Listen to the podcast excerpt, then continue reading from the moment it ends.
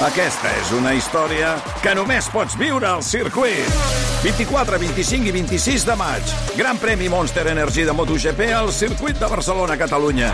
Compra ja les teves entrades a circuit.cat. Viu-ho! Via lliure. Podcast. Au village sans prétention, j'ai mauvaise réputation. Ja. Je me démène ou Ja. reste quoi. Je Eh, passe pour un je ne sais una mica quoi. més, ja està. Je ne fais pourtant Una mica més. Què tal, Santi Jiménez? Bon dia. Molt bé, molt bon dia. Què tal, Malcom Otero? Com va? Molt bé, perdona, perdona. Abans de res, m'han dit que avui és el dia internacional del croissant. Sí que m'ho han dit, això, també a mi, és veritat. És veritat. No hi ha croissants allà a l'estudi? No, no hi ha res, eh? Aquí no hi ha res. I a- Aquí i fa, fa un any que no, que no hi ha res. O sigui, que no arriba, no arriba res, ja. No hi ha una croqueta, no hi ha un Res, embotit, res. res, no hi ha És indignant, és indignant. Sí, sí, sí, sí. Suposo, suposo, Xavi, que t'has assabentat de, del projecte aquest de Girona Oberta, no? No, quin és el programa de Aquest, Girona? aquest que faran un, uns antígens perquè la gent pugui anar a veure el Girona perquè la, i perquè també pugui anar al celler de Can Roca. Sou molt pesats. Jo, si fos si fos el propietari del celler de Can Roca, posaria una fotografia vostra a la porta. Però que no ho ets. No, jo no soc res. Eh, No. Perquè no Això sí, poguéssiu això entrar sí, però no mai. majoritari. Wanted, saps? És així. Sí, sí. Bueno. A la teva taula, eh? Vinga. Ja ho... Ja. Podem anar al tall, ja? Sí, home, sí. Podem anar... Al tall, mira, ja, sí, sí. Eh, molt bé. Mira, no sabem per què, però de, aquesta temporada no sé per què ens està agafant una mica... ens està cridant l'atenció parlar Sí. de personatges històrics que maten reis. No, Ah. sé, no sé, no sé per què. Però La bueno, pandèmia. És la pandèmia. Sí, o... sí. sí, deu ser això. Sí, perquè fa un parell de setmanes vam parlar del Robespierre i eh, que vam quedar que era un home que tenia molt bones idees però que potser es va excedir una miqueta en el, en el Una mètode per aplicar-les una miqueta, sí, sí però eh, eh, i tothom el té a Robespierre. Diu, no, Robespierre és el primer home, home normal, o sigui, sense ser noble o família del rei, en plan Juego de Tronos que es va carregar a, a un rei, a un monarca. Però en veritat aquest honor diguem, li correspon a un anglès. Ja sabem que els anglesos ho han inventat tot, eh?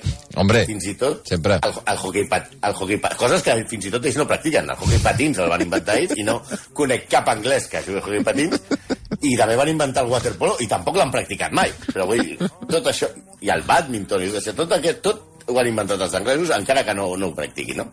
és a dir, que un segle i mig abans que els francesos portessin a Lluís XVI a la guillotina el nostre protagonista d'avui ja li va tallar el cap al rei d'Anglaterra, Carles I. El que passa és que els francesos estan bastant més orgullosos de la seva revolució i els anglesos no estan tan orgullosos d'Oliver Cromwell, que és l'home del qual parlarem avui. Cromwell és un personatge fascinant, perquè era un tio que durant... Aquí tens certa esperança, Xavi. Perquè és un tio que durant els seus 40 primers anys de vida va ser anònim, un terratinent normal, de classe mitja, Sí. que no, no, no pintava res, i després va ser el tio més famós de la seva època. O sigui, per tant, no perdem Ascensor la social. Tu encara pots fer història. Vale. Sí, vull dir, va ser, va ser un tio que contra tot pronòstic va ser el tio més poderós de la seva època, segurament Però només des- comparable al, al rei d'Espanya. No, disculpa, no, és que t'anava a dir, a veure, per fer història i que, i que t'acabin fent una secció als execrables, tampoc vull, no, no tinc ganes que passi, saps què em vull dir? Sí, però clar, però vull dir, que al final- al final és dramàtic. Sí. Clar, però no se sap mai el que et depara el destí. Ja, ja, ja, ja. ja. Vés a ja. És un tio tan fascinant, és molt polèmic, Cromwell, perquè els historiadors mm, ara mateix és impossible que es posin d'acord sobre la seva figura. Per uns, Cromwell és el pare de la democràcia moderna anglesa i un visionari.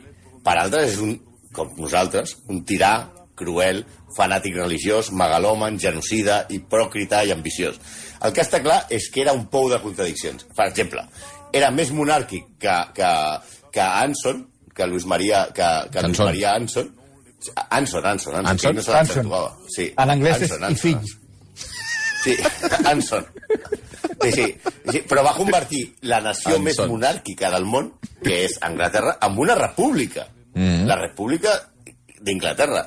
Era un fanàtic del parlamentarisme, però en plan tejero, durant do, dos cops va ocupar el Parlament per suspendre de les seves funcions. Era un tio que defensava la llibertat de culte, però que odiava els catòlics, els que va executar i torturar per blasfems, i que a la seva actuació va deixar la Inquisició espanyola com si fos, la Inquisició fos open arms. O sigui, un home que creia en la justícia, però que empresonava a tots els que el criticaven. Per tant, avui ens visita el desè britànic més important de tots els temps, segons la votació que va organitzar el 2002 la BBC. Per darrere de Nelson i per davant de Freddie Mercury. Oh! Amb tots vostès, el Lord Protector de la Corona, Oliver Cromwell. Oliver Benji, los magos del balón Benji, No, per favor. sueños de campeón. No sé, una música d'època, alguna cosa... No sé. Sí, sí. De veritat, Mira, eh? No hi ha qui que es pugui, no, no hi ha qui es pugui, no sé, eh, ficar en el que esteu explicant i en el tema Però no, música. el que sí et dic és que a Benji el deixarem per un proper execrable. Vale, vale, vale. I ara intentarem en Oliver, eh? Bueno, el nostre Oliver, no és el d'Oliver i Benji, va passar la meitat de la seva vida sent un anònim terratinent de Huntington, un home gris que va co acabar convertint, convertit contra tot pronòstic en una figura capdalt de la història universal. Un heroi per, per accident, que serà una pel·li d'aquestes tres estrelles del Blai. Sí. Tot i que l'accident, en veritat, el van patir el que estaven al seu voltant. Van estudiar a la universitat, però no consta que es gradués, tampoc hi van fer un màster a mida, eh?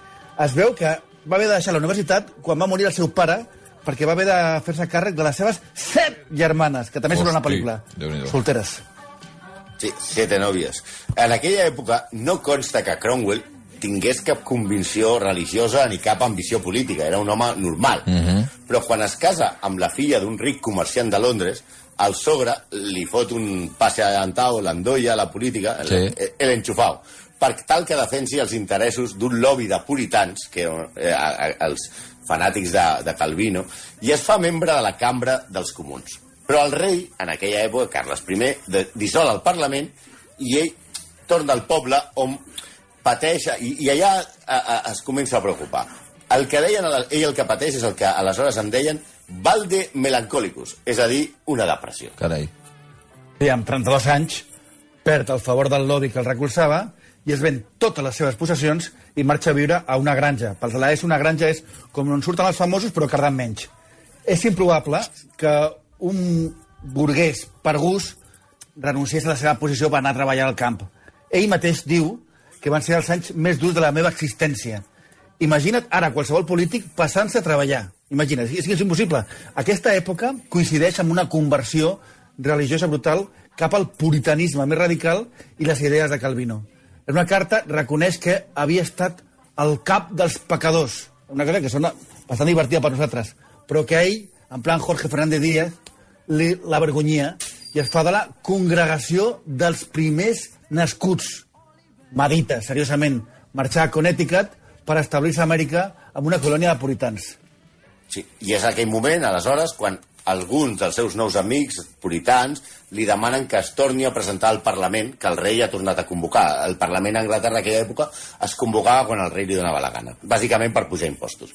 Es presenta, guanya l'escó, i a partir d'aquí canvia absolutament la seva vida i la de tots els anglesos, i irlandesos, i escocesos, i, i, i europeus, com veurem després. El Parlament i el rei, quan ell arriba al Parlament, el Parlament i el rei no s'entenen i es declara una guerra civil a Anglaterra entre els parlamentaristes i els reialistes. Cromwell es posa al costat del Parlament i es veu que aquest senyor gris tenia un do insospitat.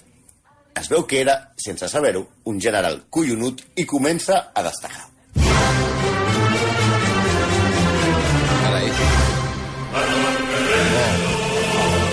Pensat, mira, al principi era una mica així, però no, ara ja està. No, és l'himne d'infanteria. Ardor Guerrero. Ardor, que Ardor pugi, Guerrero. pugi, pugi. Però pot, ser que hi hagi gent que ens estigui escoltant que hagi fet la mili i se sapigués la cançó. cantant Clar, ara mateix, sí, clar, senyor. clar, clar, Sí, sí, estic allà amb el, amb el braç armado. Qui era, Bueno, qui era? Qui, qui, on veu anar vosaltres? Jo, va, jo vaig anar a la, a, a, a la insubmissió. Al també. regiment Jo- d'insubmissos Ah, cap dels dos ha fet la mili, eh? Jo, Molt bé. Im sumís, im sumís. Endavant, endavant. Jo tampoc, ja no em va tocar, eh? Però bueno. Ja, No, clar. No, Però, tu, però, però pensa que Cromwell tampoc i va acabar matant a molta gent, eh? Sí, sí, sí, No, sí. Sí, Mai no, se no, sap. no descartis res, Eh, no sí. descartis no res. cal fer paral·lelismes tot el rato sobre si jo m'acabaré convertint en Oliver Cromwell, eh? però vull dir que no. Ja. No, te- te- tenia en compte que el més curiós és que eh, ell, s'inco- quan ell s'incorpora a l'exèrcit, ell té 43 anys, Hosti, encara, que, i la seva única experiència militar es basava en la pertinença a les bandes armades de la milícia del comtat. Sabia muntar cavall Bueno. i fer servir una mica l'espasa. Ja són dues coses però que no sé mai, fer. Bueno, però això ja s'aprèn ràpid. Però mai havia entrat en combat. Doncs bé, aquest home es va convertir en el millor cap militar de la seva època. Jo, ah, Xavi, anima't, que encara no. pot ser Rambo. tu. No cal, no cal. Sí, Cromwell es va, es, va, es va revelar davant tothom contra pronòstic amb un cap combatiu i valent. De fet, estem parlant d'un home que ja estava sombadíssim pel tema religiós i el seu carisma es basava a, a, que, que era, era messiànic i feia, i feia un, unes xerrades que ni Pep Guardiola, no? Es va guanyar molt la simpatia de la tropa, sempre cavalcava amb, amb, amb els soldats a primera línia, no, no, s'amagava, i a més estava molt en amistat amb els comandaments més aristocràtics de l'exèrcit normal va crear primer una cavalleria que els va anomenar els Old Ironsides, que va guanyar moltes batalles amb el subtil mètode de carregar com a bèsties contra l'enemic. No era molt treballat, però bàsicament... L'estratègia era, vaja, d'aquelles pensades a mi, pensades, eh? A mi el A lo pelotón loco. que los arroyo. A lo- a lo loco. a lo loco, a la, a, cap endavant. Hem de pensar que a la guerra, aquella època, la feien, diguem-ne, entre cometes, aficionats. Eren camperols que es, reclut, es reclutaven per obligació i que necessitaven una sèrie de motivacions. I aquest tio, com està, es va sombar pel tema religiós, els parlava com si fossin elegits de Déu, no? A més a més, ell va professionalitzar a l'exèrcit i va crear el New Model Army. Els seus soldats els va prohibir beure, molt malament, no blasfemaven, no jugaven i seguien a un líder fanàtic que els, fa, els, els, els va inculcar tenir més por de Déu que dels homes. Amb ell al capdavant, l'exèrcit parlamentarista eh, va, va, va arrasar i el rei va perdre la guerra civil. Eh, Carles I es va rendir el 1646 i el problema pel Parlament era què coi s'havia de fer amb ell. A ningú se li passava pel cap, de moment, carregar-se'l. El van arrestar, però no el van posar a la presó. El van tancar no a un mini apartament d'Hospitalet, no, sinó al seu palau de Hampton Court. Carai. La qüestió era fer-li entendre que havia de renunciar a part del seu poder i cedir més poder al Parlament per qüestions com els impostos. Res més. Anglaterra era, i ja era aleshores, la nació més monàrquica del món. Estem parlant del país del rei Artur, de Ricard Cor de Lleó, de Gascoigne, de Cantonà. Sí, sí. Aquests posen un De rei, era la reina de, de Crown, o sigui, era el país més monàrquic. Cromwell no era una excepció, ell era monàrquic fins a les tranques. Ell mateix va escriure en aquella època que Anglaterra necessita el govern d'un home, és a dir, el rei, acompanyat per una assemblea. Fins i tot els escassíssims republicans de l'època, que devien ser com la CUP que suposaven els Estuardo, eh, que la, a aquella època, el, aquest de la CUP es representava un home que es deia Algernon Sidney, descartava processar el rei. Era un tema que no estava previst i considerava tothom que jutjar a un rei era un disbarat absolut. Era Sí, inviolable. clar, inviolable. Clar, clar, clar, clar. Degut al seu prestigi aconseguit al camp de batalla, el Parlament va delegar en Cromwell la negociació amb el rei. I Cromwell es va entrevistar molts cops amb el rei per mirar de com fem això, i el rei va cometre una errada fatal. Va intentar enganyar Cromwell. I clar, el va mentir. I per un tarat religiós com ell, això era pitjor que tractar de, mat tractar de matar-lo. A veure, a, a, a, el rei feia veure que estava disposat a escoltar al Parlament i, i tal. Però mentrestant, a esquenes de Cromwell es conxorxava amb els escocesos per tal de destituir el Parlament i tornar al poder. Això, com deia el Malcolm, va fer emprenyar moltíssim a Cromwell, que li va dir, li va dir al rei, tu espera't aquí un moment, que vaig a Escòcia, me'ls pelo i després tu i jo ja parlarem. Tu aguanta aquí un moment. Aguanta. Mentre... Sí, sí, tu espera't aquí, que m'acabo d'enterar que no està bé. I, I quan acabi amb els escocesos, parlarem tu i jo. Cromwell defensava Anglaterra contra els, els escocesos, que eren els Covenanters, que els hi deien, i el rei mira, a més a més, d'escapar-se perquè ja se'n suma la torrada que havia fet emprenyar Cromwell. I això no, això sí que no. Quan Cromwell torna a Londres, al rei li queden dos telenotícies. A Cromwell no se li diuen mentides, El soci... no se'l pot enganyar. Sí, la, la campanya contra els escocesos havia incrementat encara més el poder de Cromwell, que recolzat en el seu New Model Army era qui manava en tot, i que feia veure que no manava. Anglaterra es feia el que ell deia, i tot i que no tenia cap càrrec, eh, ell el que manava. A les reunions de Consell refusava qualsevol nomenament, però no dubtava en sentar-se al cap de la taula. I Cromwell, que era el que manava de fet, estava molt enfadat amb el rei, el el que considerava un mal cristià i un traïdor a la pàtria. Tal dia com avui, el 30 de gener, però fa 372 anys, Carles I era decapitat. Sí. Sí, el va decapitar, però com a mostra d'humanitat, diguem-ne, després de tallar-li el cap, Cromwell va permetre que al rei li tornessin a cosir el cap al cos. No fotis. Per tal que la, sí, per tal que la família pogués eh, hon- honorar el, el cadàver. Oh, però quin horror. Eh, en aquell moment, quan ja li talla i després li cusen el cap al rei, Anglaterra es converteix en una república que es va anomenar Commonwealth. No té res a veure amb la Commonwealth actual, eh? I ningú tenia la més mínima idea de com s'havia de governar. Van mirar a tot arreu. I aleshores van crear... Els anglesos tenen una cosa molt catxonda en aquella època, que tenien un Parlament i al Parlament li posaven noms. Que el Parlament, com hem dit, el convocava el rei i durava poc. Li deien el Parlamento corto, que durava dos anys, el Parlamento largo. I aquest Parlament, de després de, de, de matar el rei, es va anomenar Rump Parliament, que seria Parlament rabada, rabadilla en castellà, perquè consideraven que era, aquest Parlament era tan inútil com la rabada respecte a la columna vertebral d'aquí, perquè de fet aquí ja podies tenir un Parlament, però aquí manaven els collons de Cromwell. Clar. Aleshores, el van anomenar a Oliver Lord Protector d'Anglaterra i de fet ara manava més del que havia manat el rei abans del Parlament que havia... Sí, clar, abans el rei manava però havia de passar certes coses pel Parlament ja manant a saco va decidir que era hora d'ampliar les fronteres angleses i va passar i, va, i, i aleshores què va dir? Què tenim més a prop? Irlanda. Home. A Irlanda què més? Hòstia, tots són catòlics. Jo odio els catòlics. I la va liar tan grossa que encara dura la broma.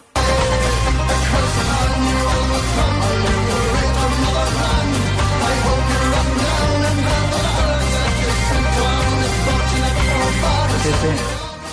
Mireu si dura Per que cert, aquesta cançó... deixa'm aturar-te un moment, eh, ara, abans de que m'expliquis la cançó. No, que és, és cert el que diu el Marc, a mi també va cridar l'atenció, no sé si perquè ho dèieu, que Cantona, que té de... Saps? És francès, Cantona. És francès, però que on va jugar?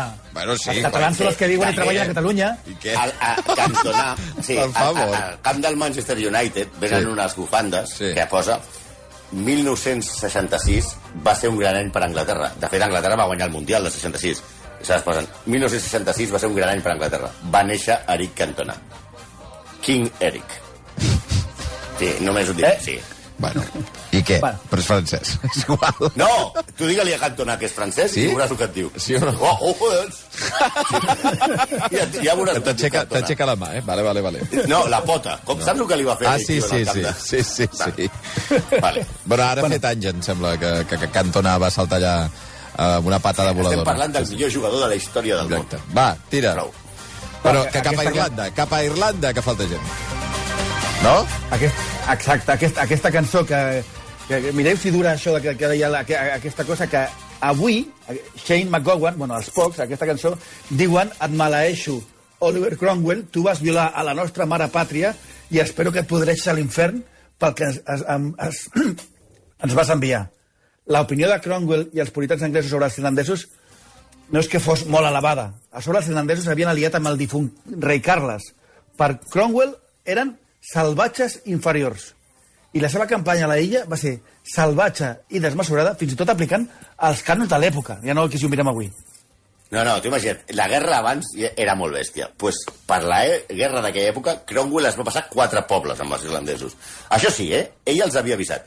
Va escriure abans d'invadir Irlanda una carta als bisbes irlandesos dient-los sou part de l'anticrist i en breu home. tindreu tots sang per veure. però això no és Faré caure el just No judici... Sí, home, ja avisa. Però el per just favor. judici de Déu sobre vosaltres, barbes, que heu amarat les vostres mans Però amb tanta dius? sang innocent. Però què dius? I una vegada va avisar, va anar i la va liar parda. Però, però què és aquest missatge? O sigui... La va liar però, però... pardíssima. Déu meu. Es, va, es va plantar a Irlanda amb el seu New Model Army i va arrasar. Entre les seves gestes infames, que encara couen a Irlanda, on a, a, a dia d'avui encara se'l veu com un dimoni, destaca la- l'assedi a les ciutats de Drogheda i Wexford. Drogheda, que no és on va néixer Projecto Hombre, Noi, la, les seves tropes va. van matar a 3.500 persones un cop es va rendir la ciutat. Ah, Un després ja- de rendir-se. Sí, sí, ja està rendida. Va escriure al Parlament. Hem passat a ganivet a tots els defensors. No crec que de tots ells hagin escapat vius més de 30. Òbviament, no només va matar soldats, va assassinar a tots els civils sense importar edat, sexe. sexe. Vull dir, era un tros de pa, un tros de pa. Sí, a, a Wexford, mentre negociava la rendició a la ciutat, mentre ella estava parlant amb el cap militar de Wexford, els seus soldats van entrar a traïció a la ciutat i van matar a 2.000 soldats irlandesos i a 1.500 civils. Després van cremar tota la ciutat. Conquerida Irlanda, Cromwell va fer una llei duríssima. Li va dir la llei de colonització, per, per la qual els propietaris rurals irlandesos es van veure obligats a regalar les seves terres als colons protestants que va portar oli des d'Anglaterra. La, a la illa van agafar aquests colons i van agafar els catòlics com a semiesclaus. Van prohibir la religió catòlica, es van profanar les esglésies, els sacerdots eren executats sense judici, i si us sembla que això, que si us sembla que amb la li estava anant la flapa, no se vayan todavía, que aún hay más. Oh, It's the most wonderful time of the year. Ja, ja veureu que aquesta cançó té sentit, perquè ell, ella estava segur de que Déu parlava amb ell i que ho feia mitjançant el seu exèrcit, que era l'instrument que havia triat Déu. Considerava les victòries com a indicadors de l'aprovació de Déu. Oh, clar. I si tenim en compte que per ell la fi principal del govern era suprimir el vici i afavorir la virtut, va convertir Anglaterra en el país que deixava el compte de la criada a l'alçada de Las Vegas. Va prohibir les cantines, els bars, els bars, les curses de cavalls. això és el que et sembla més execrable, probablement, Home, de tot. Sí, sí, sí, va prohibir els bars, aquest fill de puta. Sobre Escolta'm, noi. què et pensa? Feu el favor, va. Les, les baralles de galls, al o sigui, teatre. conquereix Irlanda i prohibeix els bars. I com no Els li han de Irlanda. Irlanda? Ah, Com deia, també per curses de cavall, les baralles de galls, al teatre, va prohibir que el diumenge es viatgés o es fessin mercats i fins i tot que toquessin les campanes. Home. I per si no tenim prou... Les va campanes, prohibir, quina culpa té. que va prohibir el Nadal, però no el jugador, Oh! ni a l'escriptor, Oh! el Nadal de veritat. Oh, oh. Clar, vamos, Rafa, no, al Nadal. Però, però prohibir-lo, no, no tipus Pedro Sánchez amb el confinament allà de es pot fer això, no, no, no. Prohibir-ho a la brava. Durant 13 anys, a Anglaterra estava prohibit cantar Nadales. Oh. Els soldats patrullaven pel carrer i si sospitaven que el 25 de desembre, que per, per, per Cromwell era el dia de la disbauxa dels pagans, si, si veia que alguna família estava fent un àpat suculent, entraven a casa i arrestaven a tota la Però família. escolta, que potser estaven fent un àpat suculent perquè aquell dia els havia vingut de gust fer un El àpat suculent. 25 de desembre, res. Va arribar a prohibir, Escolti. per llei, per llei, la fabricació del mince pie, que és el pastís tradicional anglès de Nadal d'aquella època. Es va prohibir per llei. Increïble, no. Durant aquesta època, també, a part del Nadal, va dissoldre per segona vegada el Parlament. No passa res, entrar amb- això, mira, això mira, és una cosa Va, menor. Però el Nadal... tancar els bars! Però els Però bars... els bars, el Parlament tanca quan, quan vulguis, però els bars no, home. No, no, el Parlament un dia va entrar amb soldats, va fer fora el president de la cambra i eh, els va xivar. No sou el Parlament! I va començar a repassar la vida dels parlamentaris un a un. Els va dir puteros, borratxos, Hosti, noi. estafadors, malabaristes, segons el cas. Va aixecar la massa de president i li va tirar un soldat mentre deia treu d'aquí aquesta rampoina pròpia d'imbècils. Hosti. Sí, i ja teníem una altra crisi. I Anglaterra seguia se sense, sense funcionar. Cromwell havia fallat en imposar una monarquia parlamentària, un parlamentarisme liberal, un, parla un parlamentarisme tutelat, un Sanedrín de Sants i una dictadura digital. I tan sols ni, ni, ni va funcionar escoltar les senyals divines. Aleshores, els seus seguidors li van proposar la última solució. Escolta, Oliver, i si et fas tu rei? Diu, hòstia, però si m'acabo de carregar el rei. Però el tio s'ho va pensar i va estar temps pensant-s'ho, però finalment ho va rebutjar per ser nomenat, a canvi, Lord Protector a perpetuïtat. Sí, i aleshores, què va fer? Va passar a comportar-se com un rei. Va establir un acord que res tenia envejar a les del Sestuardo. Els diplomàtics eh, estrangers la descrivien com impressionant, especialment perquè Cromwell va passar a vestir-se a la moda espanyola, aquells catòlics que odiava. I no és que es posés una samarreta de Sergio Ramos o la canallera de Rafa Nadal, no. Eren mitges de seda i llaços a joc amb les sabates. Sí, això, sí, eh, per un tio com ell... Sí, vestir-se, també és una cosa, eh? Vestir-se a la moda espanyola era vestir-se de, de Paco Clavel, a aquella època. Ah, ja. Però es, Hosti, va poder- dies que no hi pensava. va poder disfrutar molt poc del seu estatus de, de Lord Protector, tot i que va muntar, va aprofitar en plan Aznar per muntar dues bodorrios impressionants Oh, per les seves oh. filles petites. Tipo Aznar, eh? Allò, estava... Ell físicament i de salut estava molt cascat després de tantes campanyes, tenia malària, patia del ronyó, i va morir el 1658. Ah, D'entrada, el seu fill va ser anomenat Lord Protector, o sigui, com si fos el fill del rei. Sí. Però de seguida els anglesos van dir, hòstia, saps què fem aquí? No, no aguantem més, tu. Volem celebrar el Nadal, volem obrir els bars, volem fer això, i aleshores van anar a buscar el fill del Carles, que havien decapitat, Carles II, per tornar a oferir-li el tro. Home, home, va durar poc la broma, diguem-ne, després Eh, de volia. Els bars tancats! Home, en Barça, home... eh, Tres anys després de la seva mort, el seu cos i el dels seus col·laboradors van ser exhumats, els van penjar... A Cromwell el van que- treure del, de la, Sí, la sí. tomba. Mm. Carregats Només de cadenes de La tomba. a Talbot i després li van tallar el cap, Oi. que va ser exhibit durant 24 anys clavat a una pica davant de la badia Westminster. 24 anys! És un, se- jo que trobo que és un senyal molt subtil del que volen dir, no? Sí. Ah, els col·laboradors que també quedaven vius, pues mira, ja que estem, ja també li van tallar el cap. Els hi van tallar el cap. Sí, però la seva, la seva figura, que dèiem que enfronta historiadors i fins i tot polítics, fins, fins ara mateix, fa poc, fa uns mesos, un parlamentari laborista d'origen irlandès, anomenat Stephen Pound, cada cop que entrava a la cambra dels comuns, allà hi ha un, un bust de Cromwell. Mm. L'agafava i l'amagava. Se l'enduia, el robava i el posava al vàter Oh. o el posava a, fins i no, i no el trobaven. El posava cara a la paret o un lloc on no el poguessin veure. Diu, ah, quan després amb les càmeres es va descobrir que era un parlamentari el que robava cada dia el, el, el bus de Cromwell, el, el Stephen Pound va confessar la seva mirada de carnisser m'atrapa cada matí quan entro. Va, compassar, co, uh, va confessar. I aleshores ara li han posat una alarma a l'estàtua perquè no la pugui tocar ningú. Boníssim. 11 i 39 minuts, doncs avui, els il·lustres execrables Oliver Cromwell. I deixeu de fer paral·lelismes, que no, que no quadra la cosa. Estàs a temps de convertir-te en el líder d'un país. Eh? Res. Adiós. Va, execrables, Ala. adéu-siau. Volem croquetes? No, croissants és avui el dia, home. Ah, Sauf bien entendu